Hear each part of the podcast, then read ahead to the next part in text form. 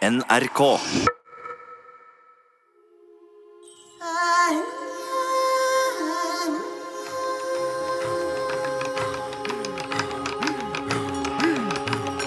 Jeg er Apalutok den røde. Jeg er en mann som er dømt til ensomhet. Jeg tok meg en ny kone for et par år siden i Siganguak, eller Sara, for hun var nemlig døpt, men nå er hun død, hun også. Hun fødte et barn med tre hoder. Ett hode hadde blå øyne og lyst hår, et annet brune øyne og sort hår, og det tredje blå øyne og sort hår. En slik bastard kan selvfølgelig ikke få lov til å leve, og heller ikke kvinnen som føder det. Så nå er jeg alene igjen. Slik er det å være åndebaner. Man er et utskudd, man er foraktet, men de kan heller ikke unnvære meg.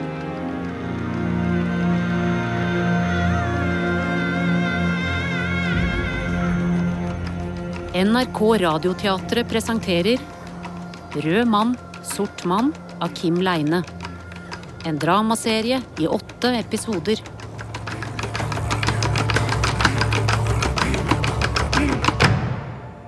Femte del Fødsel og død. Turen innover Grønland med Nils var som en lang drøm. Landet strakte seg innover og bredte seg ut. Det virket uendelig. Nils fortalte om en reise han gjorde med faren, Fredrik Christian og han selv. De hadde blitt værfaste i en landsby med innfødte og delte gammen med dem mens uværet raste. Denne åndemaneren, Apaluttok, var der, og det onde blodet sydet mellom dem. Jeg visste hva som holdt på å skje, men det gikk over hodet på min far. Han overte og seg ordentlig overfor Apollutok fordi han hadde med seg sønnen hans. Ja, Fredrik Kristian, ikke sant? Ja, ja, ja. Som om han holdt ham opp under nesen hans og sa se, se her, se her er han. Han er min. Det er ikke noe du kan gjøre med det. Som alltid så var de høflige og oppvartet min far med store mengder med kjøtt. Han ble mer og mer livatt som kvelden gikk, pratet i vei om historien om Abraham og Isak. Hvorfor sa Herren at han skulle ofre sønnen? Hvorfor adlød Abraham? Det er jo feil. Han skulle ikke ha gått med på noe sånt. Nei! Men det var altså det han gjorde, og Herren belønnet ham fordi han var lydig. Nei! Heller bli fordømt av Herren. Det fins ikke noe viktigere enn ens barn. Sant. Det var jeg som tolket nå, for Fredrik Kristian hadde gått ut. Jeg hadde også lagt merke til at Apollutok hadde sneket seg ut. Hva? Ja, Jeg hørte de stå og mumlet der ute. Jeg sa ikke noe til min far. Jeg tenkte at han hadde godt av å få seg en lærepenge. Ja. Det var ikke før vi skulle legge oss at han sa Hvor er det blitt av Fredrik Christian? Det ble helt stille. For alle i huset, bortsett fra min far, hadde jo luktet lunden. Og jeg kunne se at noe skjedde med min far. Hva hva var det? Nei, Det, det var som noe holdt på å briste i ham. Så han ga fra seg et rop og fløy ut døren. Jeg heter. Vi kunne se dem stå oppe på toppen av en knaus. De sto side om side og så ned på oss. Så forsvant de. Så min far sprang ned til båten, hentet to børser og ga den ene til meg. Nå skal jeg endelig få satt en kule i den djevelen. Denne gangen slipper han ikke unna. Der er de! Så gikk jakten innover Nordlandet. Og hver gang vi kom opp en fjellknaus, fikk jeg et glimt av de to flyktningene. Jeg tror Apollutok ville at vi skulle se dem. For slik er han. Han liker å leke med folk. Det ble mørk natt, og vi måtte gå til ro i en liten fjellhule. Der lå vi og høytrøtt, klemt godt inntil hverandre til det ble lyst. Så gikk vi videre. Og neste natt skjedde det. Jeg sto på en klippetopp og fikk øye på en svak ild. Min far kommer opp til meg. Jeg peker på ildskjæret. Han ble veldig opphisset og begynner med det samme å løpe gjennom mørket. Vi kom frem til bålet en times tid senere.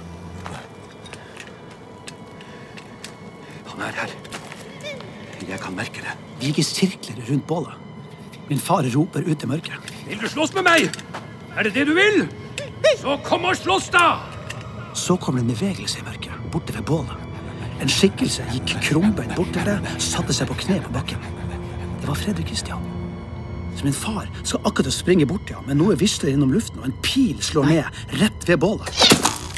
Gutten min, Fredrik Kristian sa ikke noe. har han gjort deg ille? Min far hadde ladd børsen, nå løfter han den opp til skuldrene og begynner å feide frem og tilbake med løpet. Kom fram, din feige jævel! I det korte lysglimtet fra børseskuddet så jeg Apollytok. Han sto litt unna, naken fra livet opp og med den spente buen løftet, klar til å skyte. Min far trakk seg vekk fra lysskjæret. Bare skyt! Så skyt, da! Jeg er ikke redd for pilene dine. Enda en pil vislet. Den streifet frakken til min far, og han spratt forskrekket bakover. Han kunne ikke lade børsen. Det var det for mørkt til. Han kunne ikke gå bort til bålet og gjøre det der. Nei. For da ville Apollutok lett kunne sikte på ham med buen. Ser du ham? Hvis du ser ham, så ikke nøl. Ikke nøl med å skyte. Jeg så ham godt, for jeg har alltid hatt et godt nattesyn. Men jeg skjøt ikke. Nå begynte min far å gå i den retningen han mente den siste pilen hadde kommet ifra. Han hadde slengt fra seg børsen og gikk skritt for skritt mot den skyggen som var Apollytok. Så var det som de to skikkelsene smeltet sammen. Jeg hørte at de kjempet med hverandre. De stønnet. De mumlet.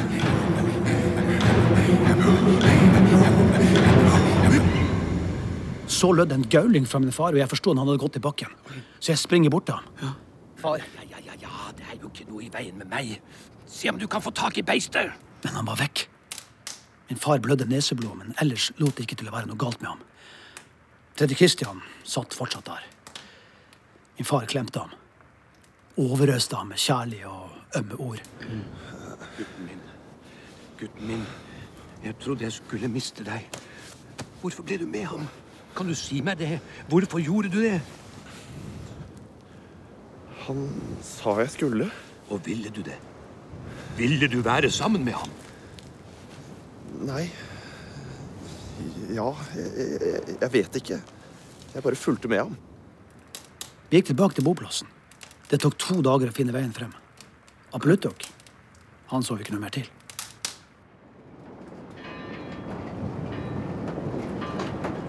Alt Nils fortalte om, handlet om forholdet mellom far og sønn. Jeg forsøkte å snakke med Nils som har følt seg sveket av sin egen far, men da, da lukket Nils seg. Det eneste han sa, var at det var viktig å vite hvem han kom fra for å få kunnskap om hvem han er. Jeg spurte ham hvem er jeg, og hvor kommer jeg fra? Hvem kunne ha kunnskap om dette? Da oppfordret han meg til å lese dr. Keating sine journaler nøye. Jeg går på besøk hos Tizia. Jeg føler at jeg her står overfor en kraft som er sterkere enn meg, sterkere enn legekunsten. Kanskje det likevel er sant, som han sier, at galskap er en besettelse av djevelen.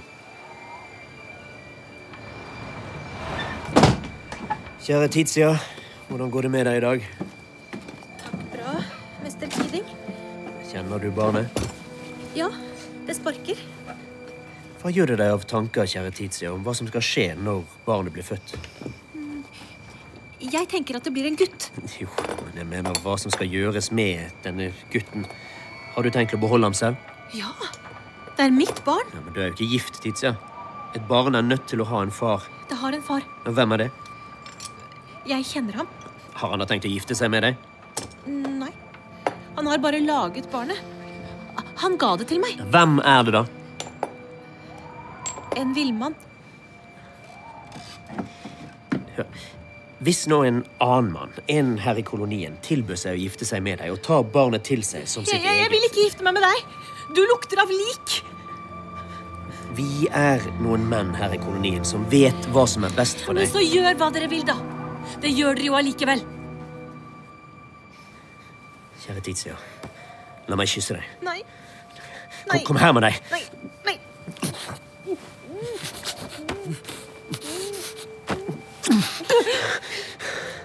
Dette kysset er mitt løfte til deg om at jeg skal hjelpe deg gjennom disse trengslene. Kysse Judas!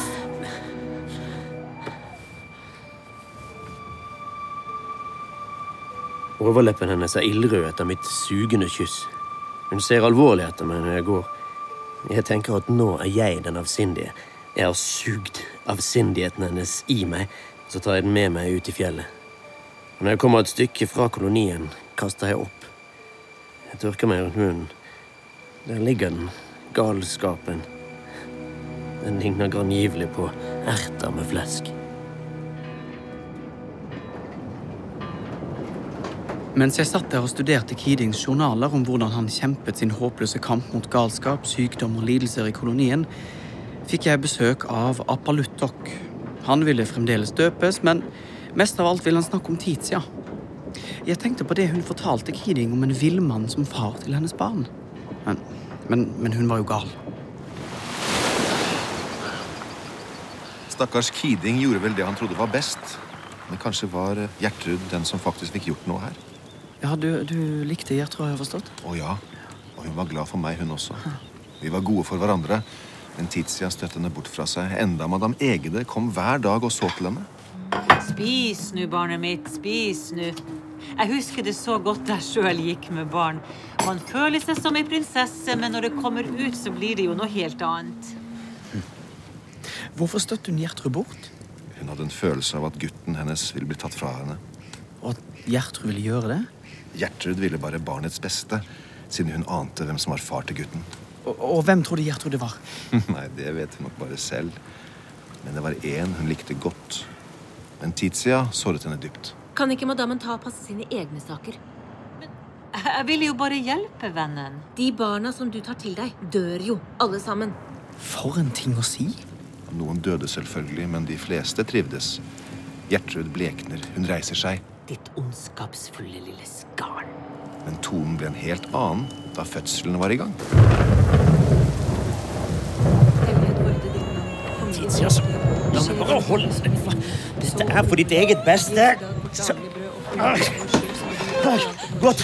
Der er du. Er det begynt? Ja, den er i full gang. Den lille jenten har nesten revet håret ut av hodet på oss. Biter gjør hun også. Ja, jeg ser det. Du har eh, Du har bundet føttene hennes. Ja, Så langt fra hverandre jeg klarte, men hun sparker som en hest. Hvis, hvis du kunne holde armen hennes, så ville det være en stor hjelp. Bare pass deg så ikke hun klorer ut øynene på deg eller biter nesen av deg. Jeg holder henne. Sett deg, sett deg mellom beina, du. Sånn. Glimrende. så. Bare hold henne sånn, så får jeg kanskje litt arbeidsro. Å, det er ikke så ille. Det er sånn vi har kommet til verden, alle mann. Livet er ofte mer brutalt når det begynner når det slutter. Så press nå. Press nå, Tizia. Se sånn, nå, nå begynner det å skje noe. Kom igjen, vennen. Press. Press. Kidding, gisp ungen nedover med hånda. Skyv, skyv mot åpninga sånn. Press på, Tizia. Kom igjen. Kom igjen. Der kan jeg se hodet. Titia, fortsett. Det er på vei nå. Fortsett med å presse. Ikke sett deg! opp! Ikke sett deg! Det er snart over. Der der er den.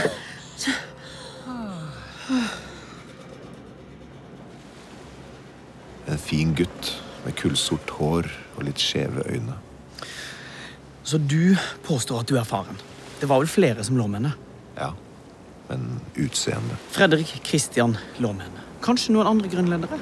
Du er ikke kjent for å være sannferdig. Ja vel. Noe bør man finne ut av selv. Kanskje Kiding har skrevet det ned i journalene sine? En av tukthusfangene døde etter alt det vanlige. Hosting, blodig oppspytt, neseblod, oppsvulmede ledd, blåmerker. I går blødde han ut av øynene. Symptomene stemmer med skjørbuk, men hva er skjørbuk, annet enn et ord? Kanskje en obduksjon kan avsløre det? Jeg kaller på noen menige soldater som tar tak i den døde og bærer han ned til spekkhuset. Så stenger Tode, min knivmann, døren og tenner lampene som henger i taket. Han bretter ut duken med de skarpslepne knivene. Han velger en og stikker hull i den døde, omtrent midt på buken. En søtlig stank visler ut av det lille hullet, og den oppsvulmede buken synker sammen. Så går han løs på liket med noe som mest av alt ligner vrede.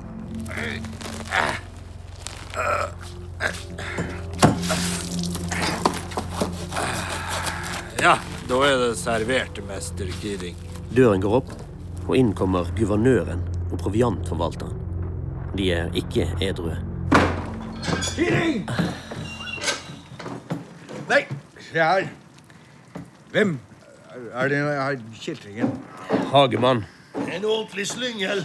Han ja. truet både egene og Pors med å skyte dem. Vi burde vel egentlig sette hodet hans på en staur. Jaså, så det hadde er? Så der har vi teologien. Så er vi visst komplette. Velkommen, Egne. Takk skal du ha. Hvorfor blir mennesket sykt? Hvorfor dør det? Hva, hva mener mester Keating? Hvis man ga folkene bedre forhold, ville de ikke dø, herr guvernør. Å, Så nå er det jeg som har makt til å avskaffe døden, hva? Takk for den store æren, mester Kidding. Nei, men utsette den, begrense den, herr guvernør. Absolutt. Vi kunne lett fått dødstallene ned hvis vi ville. Man bør bare ønske å dø i fred med seg selv og Gud. Mange dør uten å ha funnet fred, og det må sies å være en feil død. Ja, Hagemann her må iallfall sies å være en hvileløs sjel. Nå kommer vi vel til å ha gjenferdet hans rekende rundt i Nei, ikke i det hele tatt. Jeg var hos ham i går kveld og ga ham sakramentet. Han ba oppriktig om tilgivelse for sitt dårlige levnet. Sier du det? Jeg ga ham fullstendig synsforlatelse, og eh, jeg tror at Kristus vil stå innenfor det. Av vår Herre bevares ditt fulle spetakkel. Man var en uforbederlig slyngel. Det er noe alle vet. Men nå som han blir sønderlemmet, kan han vel ikke bli frelst? Sjelens frelse har da ikke noe med legemets tilstand å gjøre. da- Det er jo gammel overtro. Soldater som blir sprengt i småbiter på slagmarken, har jo også et løfte om et himmelsk liv. Jeg har lest noe kanskje- om en ny filosofi. Den sier at mennesket er en maskin. Ja, hysj med det kjetteriet. Eh, Prester til stede her. En meget full prest. Hva mener du med det? Hvis man går med på at Gud har skapt denne mas... Å, herregud, maskinen, så er det ikke kjetteri. Nei. I så fall, Descartes sier En at maskin som blir syk og dør. Angrer sine synder og ber til Gud, ja. Ja vel. Du, ånden, da. Hva med ånden? Hva sier, hva sier Descartes om den? Han sier at han ikke vet det. Om det man ikke vet, må man tie. Akkurat, ja. Da er man jo like langt. Typisk filosofisk snikksnakk. Går alltid i ring. Du har lagt merke til det? Du, er han kristen? Eh, Descartes? Han er fransk mann. Ah, papist! Ja, der har vi forklaringen. Eh, men det, la oss nå komme i gang med det, dette liket vårt. Ja, takk. Mine herrer, dette er organblokken. Det er nok her vi skal finne årsaken til at folkene dør. Oi. Her, ja. Så her er lungen innsauset i dette gule slimet. Det viser at den er råtten. Og derfor de går og hoster og spytter hele tiden. Så nå skjærer jeg opp leveren på samme måte. Du forsiktig, da. Du, det pipler blod. Men det er jo helt lyst. Ja. Det er den andre hovedårsaken til elendigheten. Blodmangel. Ja. Men jeg kan ikke se at det er årsaker du viser oss, mester Kidding. Snarere, snarere virkninger. Alt kan føres tilbake til den dårlige forpleiningen og den fuktige og, og kalde boligen. Men, eh, men eh, tanken, da? Hvor sitter tanken? Er det det samme som sjelen? Og kan den legges fri med mesterens kniv? Descartes mener at tenking har sete i jern, i noe han kaller for konglekjertelen. Denne kjertelen danner en bro mellom kjøttet og ånden. Ja, men hvis vi skal finne åndslivet til Hagemann, så skal vi kanskje lete litt lenger sørpå. Han var en ordentlig horebukk! Du, du, den der kongekjertelen, den kunne jeg tenke meg å se. Ja, den, den befinner seg i hjernens basis et sted, men eh, jeg har aldri åpnet et kranium. I så fall må vi vel sage det opp. Ja, men så gjør det, da. Ja, ja, ja, Saga.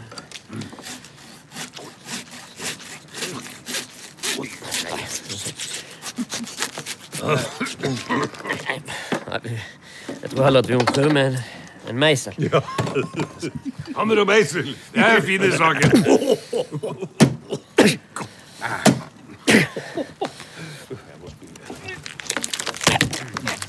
Så se her. Skjære litt her. Se så.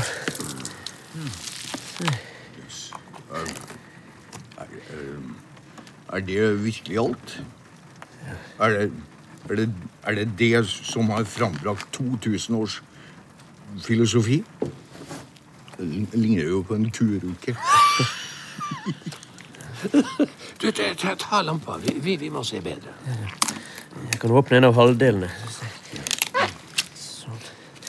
Så skjøller jeg vekk litt av blodet her. Det ligner litt på kalvebrisse. Se her. Her har vi en kjertel. Se. Den er lyserød. Den ligner pungsten fra en guttunge. Det er altså det som har huset åndslivet til kjeltringen Hagemann. Ja, det var det jeg tenkte. Jeg leste alle journalene, men jeg kom ikke nærmere sannheten om meg og min egen historie. Så snakket jeg med Nils om min tvil om at Johan og Sise kunne være mine foreldre, og at jeg var ganske sikker på hvem jeg kommer fra. Han lurte på om hvis jeg visste hvem jeg kom fra, ville jeg da vite hvem jeg er? Jeg hadde ikke noe svar på det. Nils ga meg sin mors notater og brev, men gjorde et poeng ut av at hans mor ble noe underlig på de seneste årene. Jeg leste den snirklete skriften i lyset fra spekklampen. Jeg heter Gjertrud Nilsdatter Rask. Jeg er et ondt menneske. Ikke tro på dem som maler meg opp som den skinnbarlige jomfru Maria. Jeg er Lilith, ørkendemonen, ond tvers gjennom. Og hva min ondskap består av? Ja, det er så mange ting. Havesyke, hovmod, selvgodhet, skinnhellighet. Jeg tar til meg de svake, kvinner og barn, og jeg et opp lidelsene deres. Jeg fråtser i død og ulykke. Jeg er umettelig. Og alle tror jeg er et godt menneske. En helgen. Det er nesten så man må le. Det er ikke alltid like lett å være en hellig manns kone. Man blir ond av det. Det må jo være balanse i tingene. Nå ligger her, i sottesenga. Jeg har prøvd å gjenoppta min gamle praksis med fingeren, min gamle elsker, et par ganger for å fordrive kjedsomheten ved å være døende, men det er borte. Jeg har tørka inn. Jeg har kalt på han, den andre, han som har besøkt meg når Egede har vært bortreist. Guds fred, madam Egede. Å, er det deg? Å, jeg lå nettopp og tenkte på deg.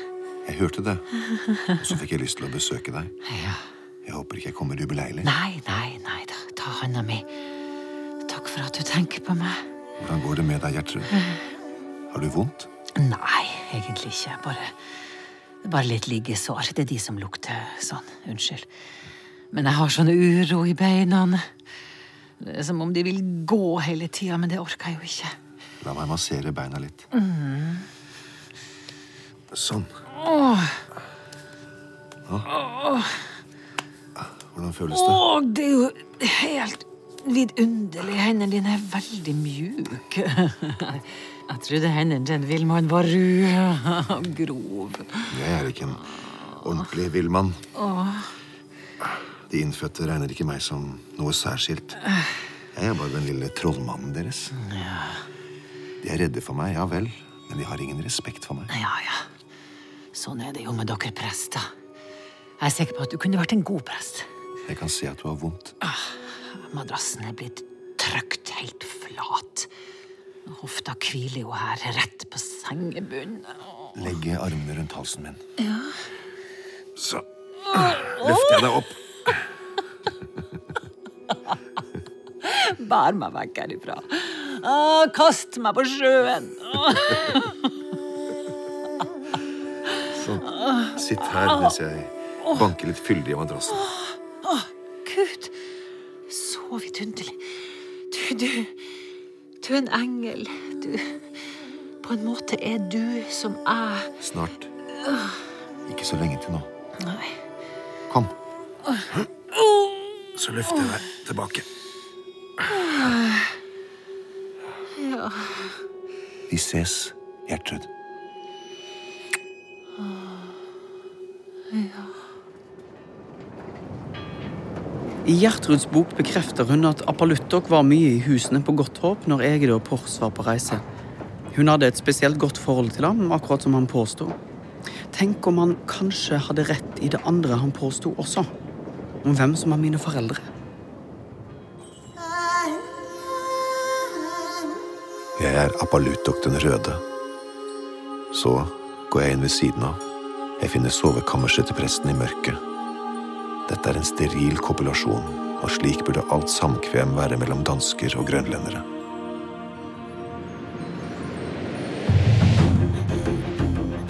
Du har hørt Rød mann, sort mann. De som var med, Appa Luttok, Kyrre Haugen Sydnes, Lauritz Frank Kjosås, Nils Halvard Holmen, Kors Terje Ranes, Hans Egede Nils Jonsson, Kiding Torgny G. Ånderå, Fleischer Trond Høvik, Sise Marit Synnøve Berg, Johan Morten Svartveit, Tizia Andrea Brein Hovig, Landorf Pål Christian Eggen, Gjertrud Marit Adeleide Andreassen, Satan Kaja Varjord, presten Pål Mattis Herman Nyquist, Fredrik Christian Scott Maurstad. Dramaturg Gunhild Nymoen, komponister Jane Kelly og Sindre Hotvedt, produsent Øystein Kjennerud, lyddesign Rikard Strømsodd, dramatisering og regi Mathias Kalmeier.